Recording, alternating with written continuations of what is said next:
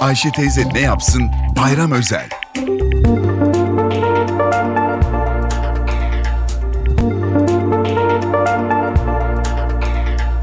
Merhaba sayın dinleyenler, merhaba Ayşe Hanım teyze, merhaba Ali Rıza Bey amca.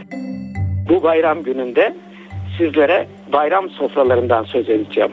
Bayram sofralarının özelliği aile üyelerinin, ailenin yakınlarının bir araya gelmesine imkan hazırlamasıdır. Bayram sofraları genelde öğle yemeği için kurulur ve de genelde her gün bir başka aile büyüğünün evinde sofra başında toplanılır. Bayramlar şimdilerde farklı aylara rastlıyor.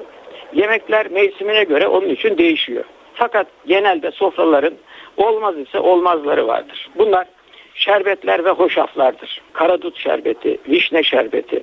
Genelde en fazla beğeni gören içeceklerdir. Hangi mevsimde olur ise olsun bayram sofralarının demirbaşları da böreklerdir. Şimdilerde puf böreğini yapanlar azaldı. Hatta puf böreğini hatırlayanlar bile çok az. Kol böreği bile zahmetli görülüyor.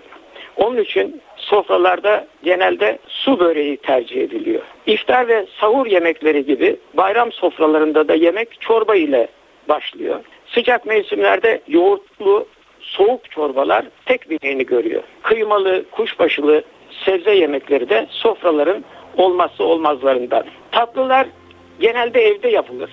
Marifetli hanımlar revani ve tel kadayıf hazırlarlar.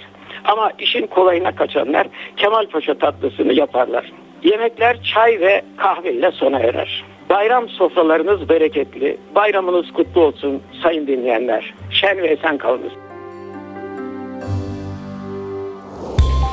Ayşe teyze ne yapsın? Bayram özel.